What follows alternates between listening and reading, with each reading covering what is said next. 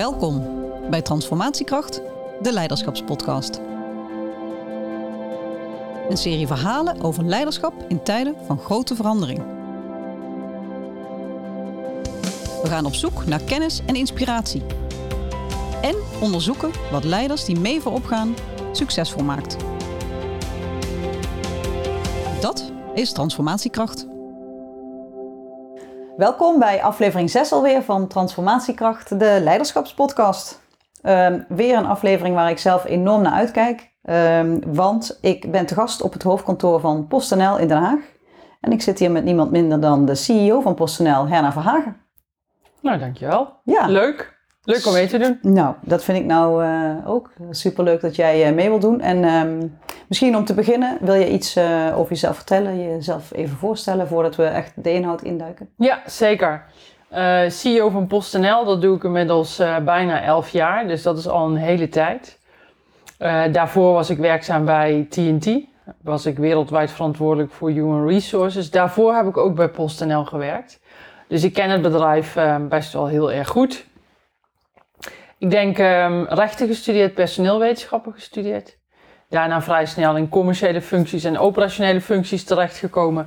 En eigenlijk altijd uh, um, ja, op, op afdelingen en later natuurlijk eenheden en business units waar veranderd moest worden. Dus transformatie of verandering is wel iets wat mij uh, op het lijf uh, geschreven is. Ik ben getrouwd, we hebben een hond um, en ja, verder hou ik van hardlopen, fietsen en probeer ik gewoon eh, de tijd die ik dan nog heb ook nog met de hond te lopen. Dat, komt het, dat is een beetje wat het is. En die tijd is schaars, want ik zie jou echt overal uh, verhalen vertellen. Naar congressen op... Uh, nou, bij de SER heb ik je laatst gezien. Daar komen we denk ik ook nog op terug. Je hebt een enorm groot bedrijf. Ik denk dat jullie meer dan 60.000 mensen hebben. Nee, nee, iets minder. We hebben een kleine 50.000 okay. mensen. Ja. Groot genoeg? Ja, zeker groot. Zeker groot. En ambities in de hele Benelux. Dus je bent ja. ook Nederland ontstegen. Dus ja, heel, dat klopt. Ja. Heel druk. Nou, ik had um, een superleuke uh, voorbereiding op deze podcast. Want dit weekend um, kwamen uh, mijn tantes, de twee zussen van mijn moeder, uh, met enorme dozen met de postzegelverzameling van mijn opa. En ik was toevallig bij mijn ouders. Ik wist niet dat ze dit gingen doen.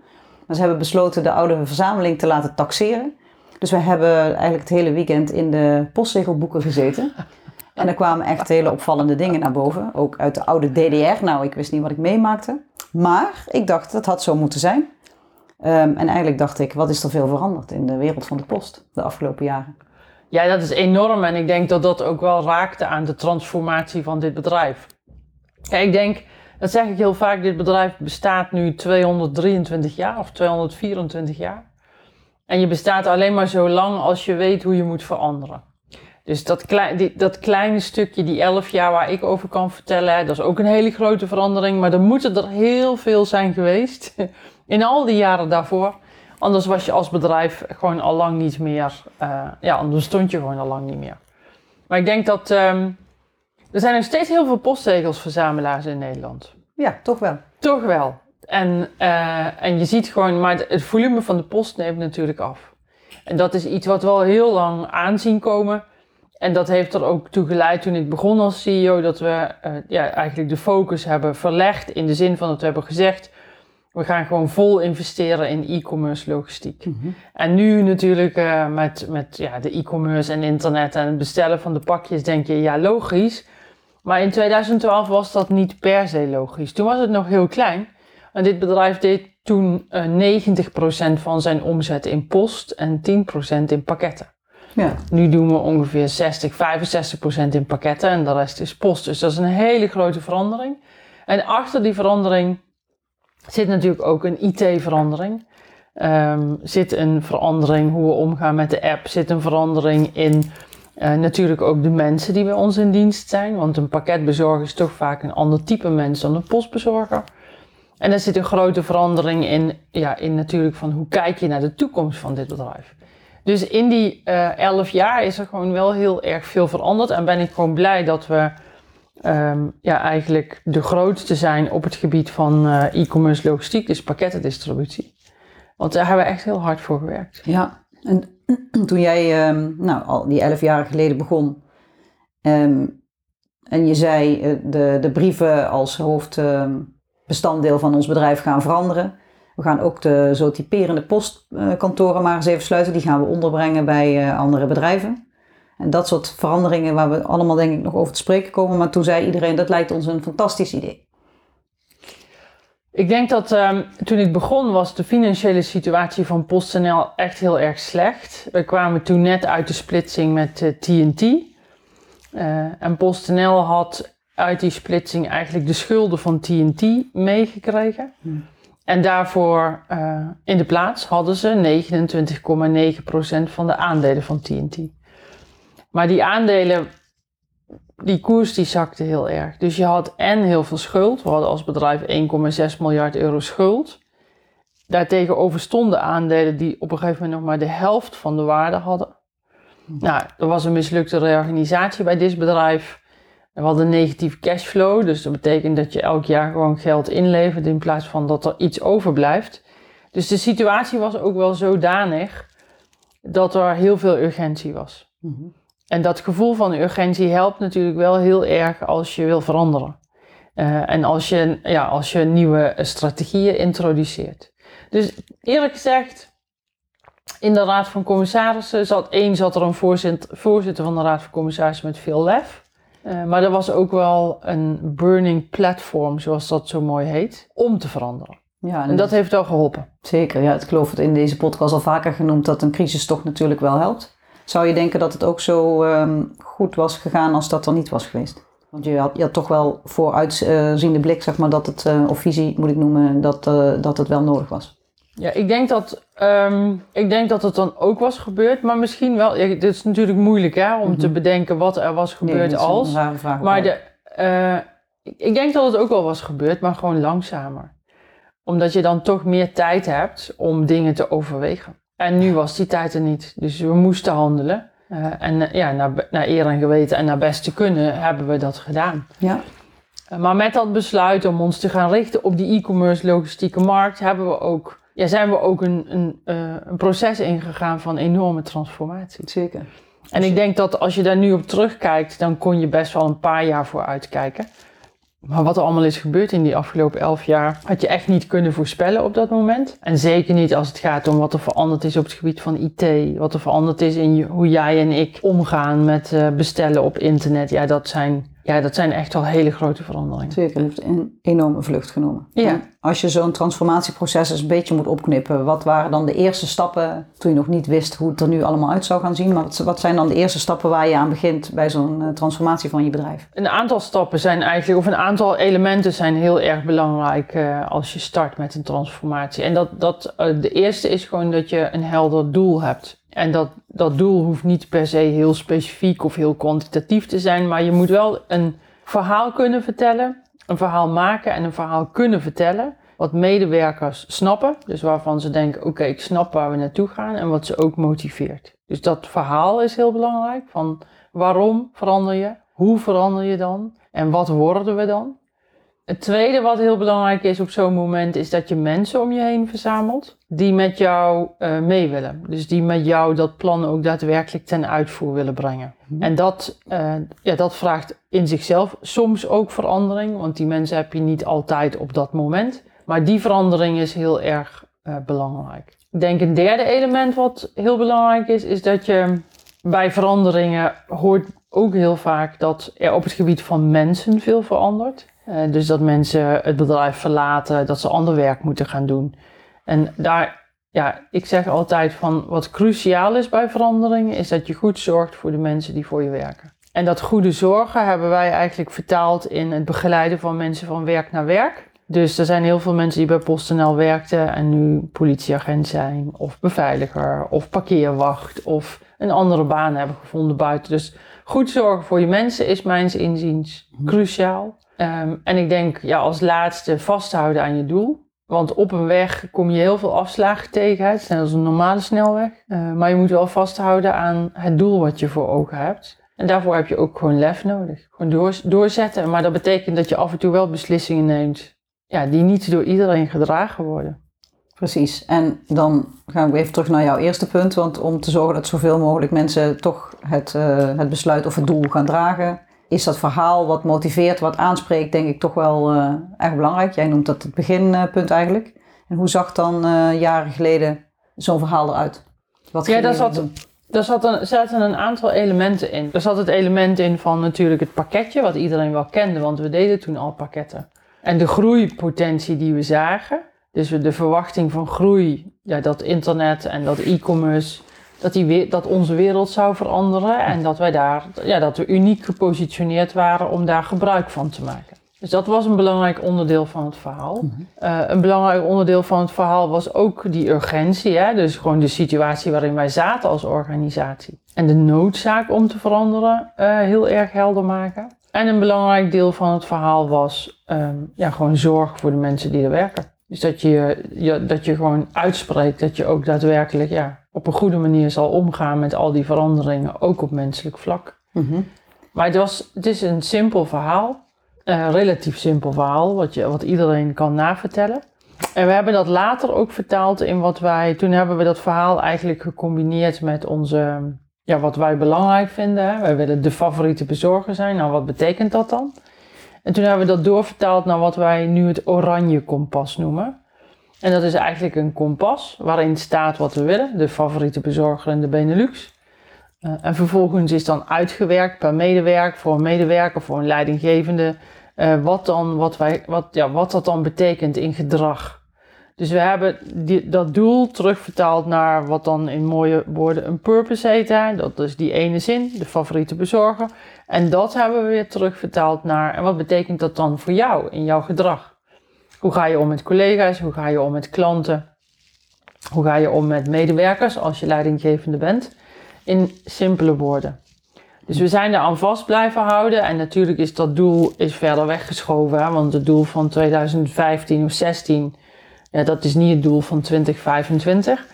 Um, maar die, de, ja, dat verhaal wat eronder zit en wat dat dan betekent in gedrag, daar, daar zijn we heel erg aan vast blijven. Ja, en wat, um, wat zou je dan als belangrijkste elementen noemen als je mensen wil leren om echt dat nieuwe gedrag ook nou, erin te krijgen? Dan, uh, Blijf niet bij, we leggen het een keer uit en uh, we hangen de waardes aan de muur. Uh, nee, nee, nee, nee. Eigenlijk zit het antwoord al een beetje in jouw vraag, namelijk gewoon volhouden. Jouw, Elke keer weer herhalen. En er aandacht aan, aandacht aan blijven besteden, het blijven herhalen. Ja. Mensen natuurlijk helpen om het goed te begrijpen. Um, ja, en toch niet 1, 2, maar 10 keer, 20 keer, 40 keer, 50 keer hetzelfde verhaal vertellen. Ja, en ik zou me nog kunnen voorstellen dat je vanuit top ook bezig bent met voorbeeldgedrag en wat laat ik zelf zien. Dat is vaak zeker. helderder dan uitleggen. Ja, nee, nee, zeker. Dat doe je zeker. Um, dat doe je zeker. Ik denk alleen dat, ja, dat is een randvoorwaarde. Als je het zelf niet leeft, ja. dan gaat het ook niet werken. Maar zelfs al leef je het, dan nog moet je het heel vaak herhalen en het onder de aandacht houden. En koers vast blijven. Dat zeker. Vind ik een ja. mooie, want je ziet vaak dat uh, nou, als het dan iets niet lukt, dan stoppen we daarmee. Dan verzinnen we een ander uh, project, een ander label, een andere koers. En dan zit toch veel van dezelfde elementen in. Ja. Maakt het voor mensen misschien niet makkelijker om te snappen wat er eigenlijk van ze wordt gevraagd. Dus ik hou ervan als je erin slaagt om uh, langjarige koers vast te zetten. En dan bij te punten, nou ja. Je gaat een beetje naar links en je gaat een beetje naar rechts. Dat natuurlijk wel, het is nooit een rechte lijn. Um, maar ja, je houdt wel vast aan datgene waar je naartoe wil. Mm -hmm. Nou, om die koers echt in te kunnen zetten, um, hadden jullie natuurlijk iets van je, je mensen nodig, je medewerkers, maar ook uh, met name de digitale transformatie was hier ja. de drijvende kracht.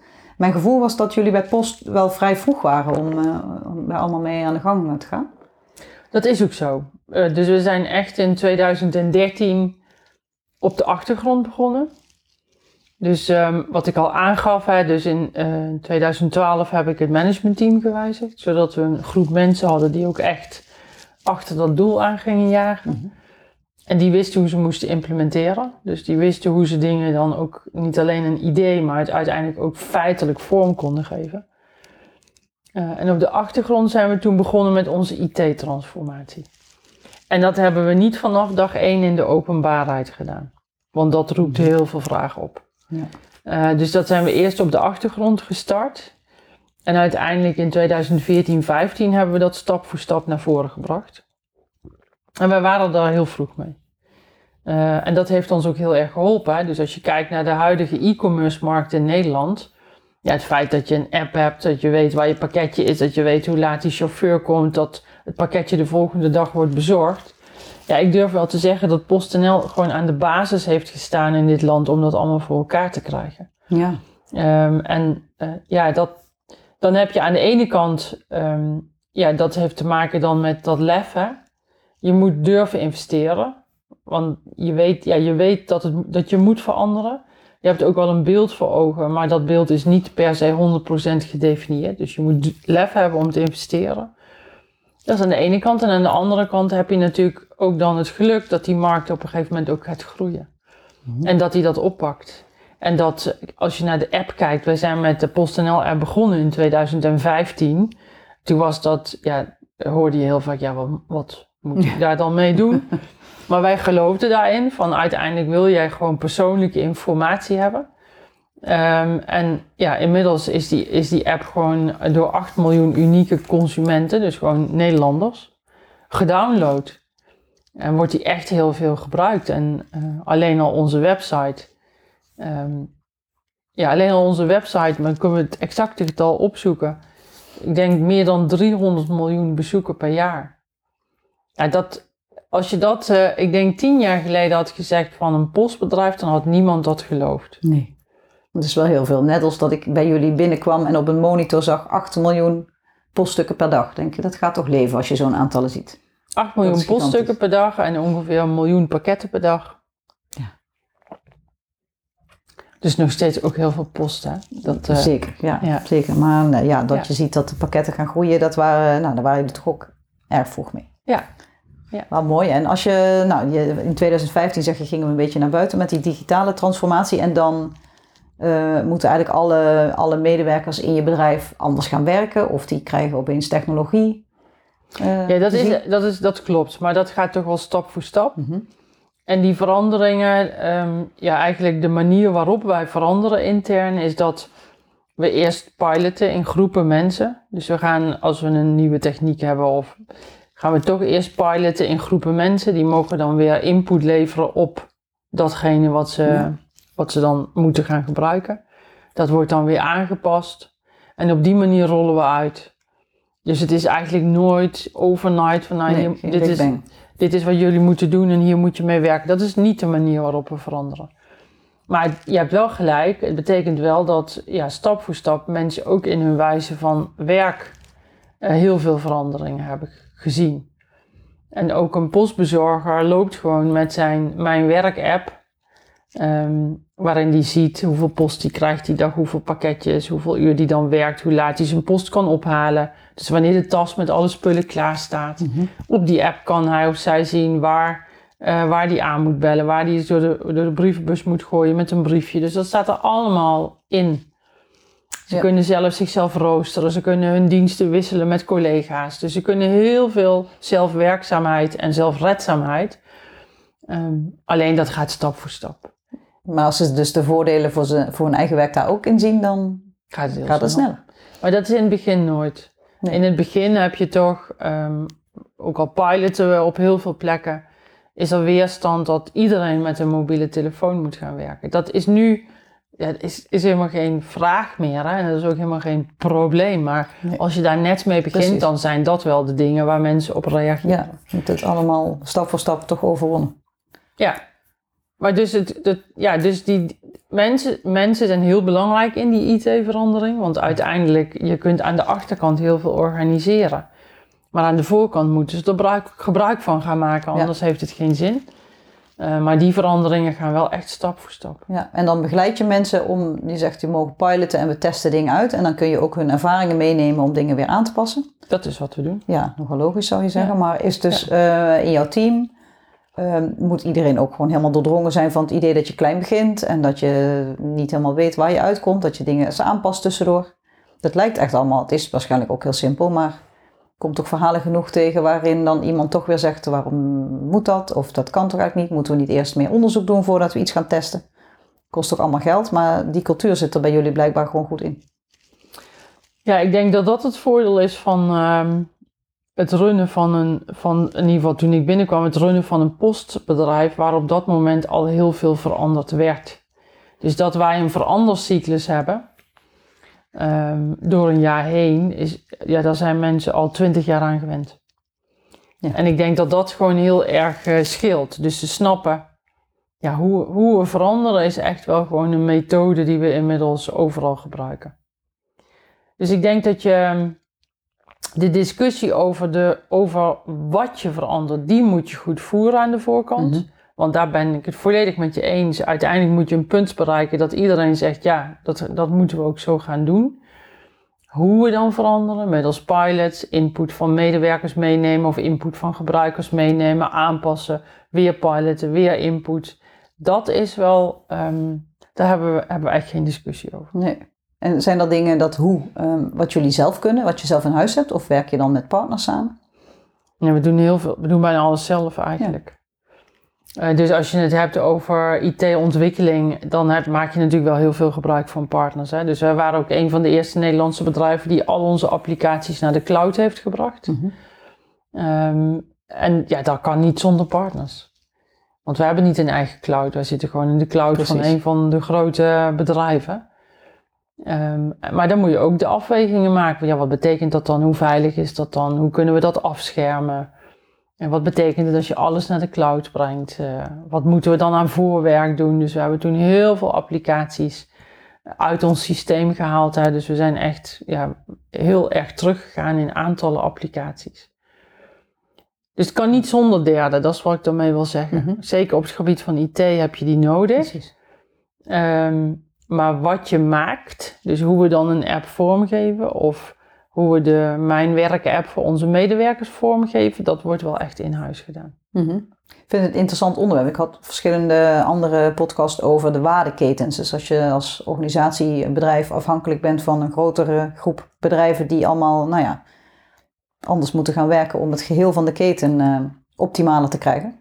Jullie zijn eigenlijk die hele keten bijna in één. Jullie doen natuurlijk het hele proces van uh, van begin tot eind tot aan de deur zelf. Ja, dat klopt. Dat is een hele waardeketen ja. in je bedrijf. Ja, dat klopt.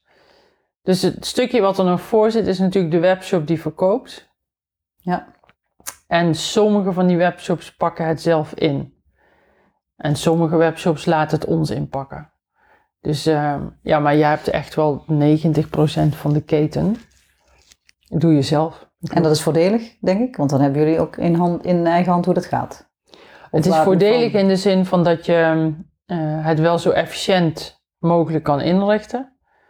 Uh, dus dat is het grote voordeel van, van die keten. Ik denk dat um, waar je dan wel steeds goed over na moet denken, is dat een verandering in één deel van de keten impact heeft op het andere ja. deel. Dus je kunt nooit denken, ik heb, mijn keten bestaat uit zeven onderdelen, ik verander op één en ik kijk niet naar de rest. Dat kan niet. Dus als je verandert hier, dan moet je nadenken over heeft dat dan impact op andere delen van mijn keten?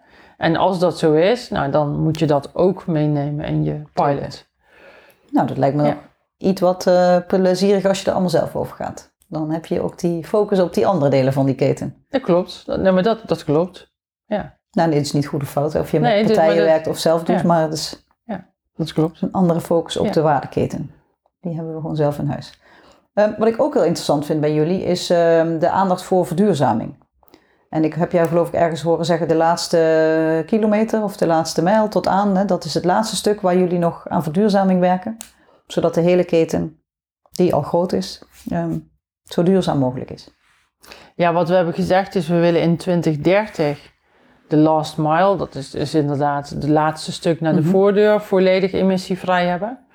En in, uh, in 2050 alles. Ja. Maar alles betekent dat je dan ook de vrachtwagens emissievrij hebt, de vliegtuigen emissievrij. Want we hebben ook veel, we hebben niet zelf vliegtuigen, maar we vliegen wel veel met pakketten. Ja.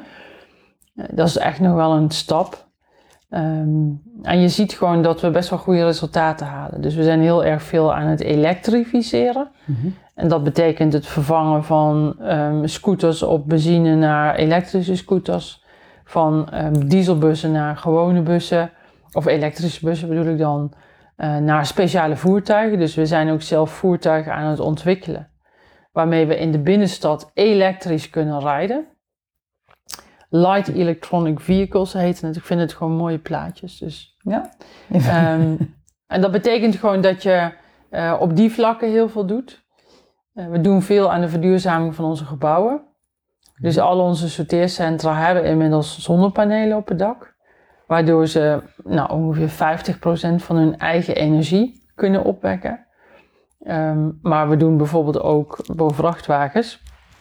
Vrachtwagens kun je de diesel vervangen door uh, HVO. HVO, en dat is biobrandstof. Dat heeft 90% minder uitstoot uh, dan gewone diesel. Die gebruiken we. En het mooie daarvan vind ik, um, er waren vroeger in Nederland niet zoveel HVO-tankstations. Maar nu nemen we eigenlijk de, de leverancier van de HVO, die nemen we mee op naar onze sorteercentra. En dan kan die buiten onze sorteercentra een benzinestation starten. Want ja, hij heeft in ieder geval een basis. Mm um, afname heeft hij bij ons vanwege al die vrachtwagens. Maar op die manier maak je eigenlijk voor heel Nederland biobrandstof beschikbaar. Dus er zit ook een mooi, ja. Vind ik, neveneffect aan vast. Um, en wat, ja, wat nu, nu weer. Vroeger werd post met treinen gedaan, dat weet, uh, oude mensen weten dat nog. Toen zijn we uit de trein gegaan naar de vrachtwagen. Uh, en nu hebben we weer uh, met Noorwegen de eerste treinverbinding hersteld voor post en pakketten. Vanwege Om inderdaad duurzaamheid. Ja. ja. Dat is wel mooi aan. In, um, net als met die brandstof kan ik me voorstellen dat jullie door de bulk ook aan vrachtwagens of zo, je hebt toch ook nou, een soort zienzetter zijn. Dat je ook andere innovaties helpt stimuleren omdat jullie omgaan en naar nieuwe, is ook, nieuwe kennis Is ook. En je, en je maakt het beschikbaar. Ja, precies. Dus in plaats van vroeger waren er een paar jaar geleden hadden we twee pompen in Noord-Nederland. Uh, ja, dat, ja, dat lukt natuurlijk niet als je naar Limburg moet of naar Zeeland. En inmiddels heb je gewoon op heel veel plekken in Nederland HVO2 pompen. Ja, en die zijn bij jullie, bij jullie sorteercentra, zeg je, maar daar kunnen andere mensen gewoon net zo Ja, dat is gewoon buiten onze sorteercentra. Dus het zit niet op eigen... Nee, maar precies. Dat, ja, daar kan een ondernemer dan gewoon starten. Zeker. En hij heeft een, ja, een bepaalde afname gegarandeerd, want dat zijn wij. Ja, en jullie zitten door het hele land. En echt door het hele land? Ja, echt door het hele Heel veel plekken nog steeds? Ja, we hebben inmiddels um, ehm, 28 pakketten sorteercentra, mm -hmm. 5 brieven sorteercentra. Dus we zitten echt wel ja, gewoon door het hele dan land. kun je dit ook doen. Wat goed ja. zeg. Ja, dan kun je dit doen. Je moet er nog steeds over na willen denken en het delen. Maar heel mooi zoiets, ja. Dus het is echt wel een heel belangrijk speerpunt voor ons, duurzaamheid. En het vraagt ook nog wel uh, ontwik techniekontwikkeling. Hè? Dat zit dan niet allemaal bij ons. Dat moet ook gewoon bij leveranciers vandaan komen. Want uiteindelijk hoop je toch gewoon... We zijn nu aan het testen met de eerste elektrische vrachtwagens. Um, ja, en je hoopt gewoon natuurlijk dat dat, ja, dat dat gaat vliegen. In de zin van dat die ook echt een groter bereik krijgen. Iets minder zwaar worden. Want nu zitten er heel veel batterijen in. Waardoor zo'n vrachtwagen heel zwaar is. En dat is wat je eigenlijk hoopt. ja. Heel mooi, ik hou ervan. Um, nog even naar een ander onderwerp, want je zei in het begin ook uh, medewerkers moeten natuurlijk uh, allemaal mee, of daar moet je goed voor zorgen. Ik kan me voorstellen dat uh, misschien jullie ook last hebben van krapte op de arbeidsmarkt en op zijn minst een ontzettend diverse organisatie zijn. Um, dus dat het nou, van, van hoog tot laag iedereen moet worden betrokken bij de koers en bij de organisatie. Kun je daar eens iets over zeggen hoe jullie personeelsplaat eruit ziet? Of waar, waar je daar nog zorgen hebt of uitdagingen? Ik denk, ja, arbeidsmarkt is voor iedereen op dit moment natuurlijk heel uitdagend, ook voor ons. Um, en dan is die uitdagender aan de postkant dan aan de pakkettenkant. Dus we hebben meer vacatures voor postbezorgers dan voor pakketbezorgers. En is dat logisch in jouw uh, ogen? Is daar een verklaring voor? Nee, heb ik niet. Nee. nee, ik heb niet echt een verklaring daarvoor.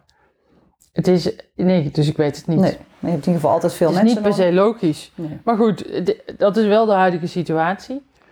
Um, en verder betekent het, verder vind ik dat het nog wel meevalt. Met, uh, dus als je kijkt, nadenkt over vacatures op het gebied van digitaal of mm. e-commerce, die kunnen we eigenlijk allemaal best wel invullen. Maar het kost meer tijd. Dus je moet er echt wel veel meer moeite voor doen om de mensen te vinden die passen bij dit bedrijf. Um, dan wanneer je dat vergelijkt met vijf jaar geleden. Dat kun je, niet, kun je bijna niet vergelijken. Nee, en daar hebben jullie dan uh, nou niet een briljante andere oplossing voor die de rest nog niet had gezien. Dat kan eh, gewoon niet, maar daar, eh, ja, daar moet je het dus mee doen. Nee, ik denk dat wat, wat natuurlijk scheelt is dat ehm, eh, wij doen eigenlijk alle vacatures die we hebben staan natuurlijk online. En we hebben één grote centrale wervingsafdeling. Uh, dus het feit dat de kennis op het gebied van werven bij elkaar zit, dat helpt heel erg. Uh, dat we het gecentraliseerd hebben, helpt ook. Gecentraliseerd hebben helpt ook. Um, omdat je daarmee ook in staat bent toch een stukje interne doorstroom. Die men, mensen, soms zijn er gewoon vacatures die mensen niet hebben gezien of waarvan mensen niet wisten. En zij kunnen dan wel aangeven van ja, heb je daar dan al eens gekeken? Mm -hmm. En verdere digitalisering, is dat ook nog iets wat jullie uh, verkennen? Nog verdere digitalisering? Ja, dat, zeker, zeker. Maar dat zit hem dan toch natuurlijk vaak in de wat meer gestandaardiseerde processen. Mm -hmm. Als uh, we hebben bijvoorbeeld binnen HR al heel veel gedigitaliseerd. Um, als het gaat om de administratie. Dat is waar je natuurlijk wel naar kijkt, zowel binnen finance mm. als binnen HR, als binnen IT, die echte back-office noem ik dat maar. Waar heel veel uh, repetitief arbeid in zit. Daar kijk je echt wel naar wat kun je digitaliseren op een goede manier en wat niet. Ja. Dus antwoord ja. De digitalisering aan de, aan de voorkant, dat is gewoon de, zeg maar de commerciële klant, richting kant, richting onze klanten. En richting consumenten, gewoon jij en ik als gebruiker van PostNL. Mm-hmm. Ja, daar zetten we bij wijze van spreken elke dag stappen. Ja. Want daar moet je door blijven ontwikkelen om ja, ook daadwerkelijk die favoriete app te blijven. Zeker. Ja. En die last mile, blijft die altijd arbeidsintensief? Of krijgen we drones uh, over ons huis heen? Ja, drones denk ik niet. Omdat um, als je alle pakketjes gewoon de, de, de, kijkt naar de aantallen pakketten van nu... Mm-hmm. Uh, 340 miljoen pakketten doen we ongeveer op jaarbasis. Mm -hmm. Als je die met drones ja. zou willen vliegen, dan zag jij nooit meer blauwe lucht. Dan hebben we nog een andere uitdaging. Hebben we een andere uitdaging. Nou, dat vind ik toch wel goed. Want dan, uh, we doen wel drones voor medische dienstverlening. Dus we oh, zetten ja. wel drones in. Ja, daar, daar hebben we een speciale dienst voor. En mm -hmm. dat is met name medisch. Dus mm -hmm. dat betekent dat we bloed, organen, dat soort dingen vliegen we wel door de lucht. Wauw. En dat uh, zien we wanneer? Dat is toch een leuk nieuwtje, voor mij althans, een leuk nieuwtje. Ja, het is er al een tijd. Dus ja. we doen het samen met uh, de universitaire ziekenhuizen en de ANWB. Mooi. En dan land je op het dak van een ziekenhuis bijvoorbeeld? Bijvoorbeeld, ja. ja. Nou, ja. mooi. Ja, nee, als de technologie er is. Maar het is inderdaad iets te naïef van mij om te denken dat jullie dat allemaal uh, door de lucht kunnen doen. is toch weer nee, daarvoor is het gewoon te veel. Zeker. En je ziet het in het buitenland worden soms wel drones gebruikt voor pakketbezorging. Maar dat is toch meer, uh, nou bijvoorbeeld in Australië, waar je natuurlijk die enorme, ja, het enorme ja, achterland ja. hebt. Uh, daar zie je wel dat ze een vrachtwagen langs de kant van de weg zetten en dan met drones bezorgen. Maar dat scheelt niet. Ja, dan, dan dat kan is, het. Dan kan het, want dan moet jij 500, bij wijze van spreken, 50 kilometer het binnenland in. Ja, ja dan is het een super oplossing. Ja. Dus je ziet het zeker wel. Um, medisch zie je op heel, in heel veel landen. Dus medische drone zie je in heel veel landen. Mm -hmm. En uh, in de pakketbezorging zie je het met name op die, in die gebieden waar het, ja, waar het afgelegen is. Ja. ja, nou dat is eigenlijk wel logisch. Maar wel leuk om, uh, ja. om dat zo nog eens even te horen. Um, nou, misschien al een beetje naar het einde toe. Um, is eigenlijk nog één onderwerp wat ik nog aan wil snijden, waarvan ik weet dat het jou ook aan uh, het hart gaat. Je maakt je de laatste jaren ook sterk voor uh, meer vrouwen in de top. Dus even over de diversiteit. Je bent uh, betrokken bij het zeer recente CER Diversiteitsportaal, heet het volgens mij. Ja. Waarin jullie proberen meer inzicht te geven in, um, nou, hoe staan we ervoor als land? Dus ja, waarom die... vind je het belangrijk en nou, hoe staan we ervoor? Doen we het een beetje goed als Nederland? Ja, ik vind, het heel, ik vind diversiteit belangrijk. En dan niet alleen mannen, vrouwen, nee, maar precies, ook dat is iets te, multiculturele diversiteit. Ja. Of mensen uh, die verschillende seksuele geaardheid. Eigenlijk wat ik belangrijk vind is dat iedereen gewoon kan zijn wie die is. Mm -hmm. En evenveel kans heeft op carrière. Nou, ik gewoon gelijke kansen. Dat, dat is eigenlijk mijn basis waar het vandaan komt. Mm -hmm. um, en ja, je, je, daar, daar, maak je natuurlijk verschillende stappen in. En je ziet heel veel bedrijven starten natuurlijk met man-vrouw en dan maken ze de stap naar of seksuele geaardheid of multiculturaliteit. Dus ze zitten of ze doen dat alle twee tegelijk. Dus je ziet eigenlijk alle bedrijven daar wel mee bezig. Dat is positief. Ja. Ik denk dat de quota in Nederland he- helpen. Die zijn er natuurlijk in principe alleen voor RVC en RVB, Raad van Commissarissen, Raad van Bestuur. Mhm. Maar die hebben wel een effect op de rest van de organisatie. Omdat er toch gekeken gaat worden naar, eh, oké, hoe zit dat in de rest van het bedrijf? En dan initiatieven zoals Talent naar de Top. Ehm, maar ook dit initiatief weer gewoon een diversiteitsportaal, gaan gewoon helpen omdat transparantie en je gegevens openbaar moeten maken, maakt dat je vergelijkbaar wordt met anderen. En maakt dat bedrijven ja, toch over het algemeen dan denken, ja, ik wil niet onderin Nee. die, wachter, eh, onderin die ranking zitten. Ik wil toch een beetje bovenaan zitten. Hm, want hoe wordt dat afgedwongen dan, dat bedrijven daaraan mee gaan doen? Ehm, ja, ze kunnen dat niet echt afdwingen. Eh, behalve dan dat er natuurlijk een bepaalde vorm van peer pressure is. Mhm. En dat helpt wel degelijk. Want dat is, ja, dat, over het algemeen werkt dat heel goed. Dus ik denk dat Nederland, kijk, maar dat zijn natuurlijk de staatjes die iedereen kent. Nederland ten opzichte van heel veel andere Europese landen doet het niet super goed als het gaat om vrouwen in eh, senior posities. Daar zijn wij niet heel ver in. Ehm, maar je ziet Nederland wel verbeteren. En ik denk ook dat, dat is ook wat ik altijd zeg, het meest belangrijke daarin is dat als je meer vrouwen in de top van je bedrijf wil, dan moet je er ook voor zorgen dat je op alle lagen in je organisatie meer vrouwen hebt. Ja, zeker. Want dat is de enige manier om uiteindelijk zekerheid te hebben van ja, voldoende eh, aan, aanwas van talenten. Ja. En dat is, dat is wat ik altijd aangeef. Ik zeg van het is gewoon chefzaggen. Met andere woorden, je moet er zelf mee bezig zijn en je er verantwoordelijk voor voelen. En er steeds aandacht aan besteden. Dus ook hier geldt gewoon aandacht aan blijven besteden. In combinatie met, het gaat niet alleen om die top, het gaat ook om de rest van je bedrijf. Want alleen dan, als je ervoor zorgt dat je overal een goed percentage vrouwen hebt, is de kans dat je vrouwen carrière Precies. maken natuurlijk vele malen groter. En is de kans dat je uiteindelijk in je topmanagement vrouwen hebt die je nog kunt promoveren naar, ja, naar managementteamfuncties nog veel groter. Mhm. Dus dat, dat is echt gewoon cruciaal. En het is zo logisch als wat, maar toch houdt het je weer bezig. En er is toch nog echt wel veel aandacht. En dit geluid ja, is toch nog nodig. Zeker, daar is nog steeds eh, veel aandacht voor nodig. Daar zijn we, we zijn er echt nog niet. Nee. Maar we maken wel progressie. Dus Ja. ik denk altijd, maar ik kijk toch meer naar dat glas half vol.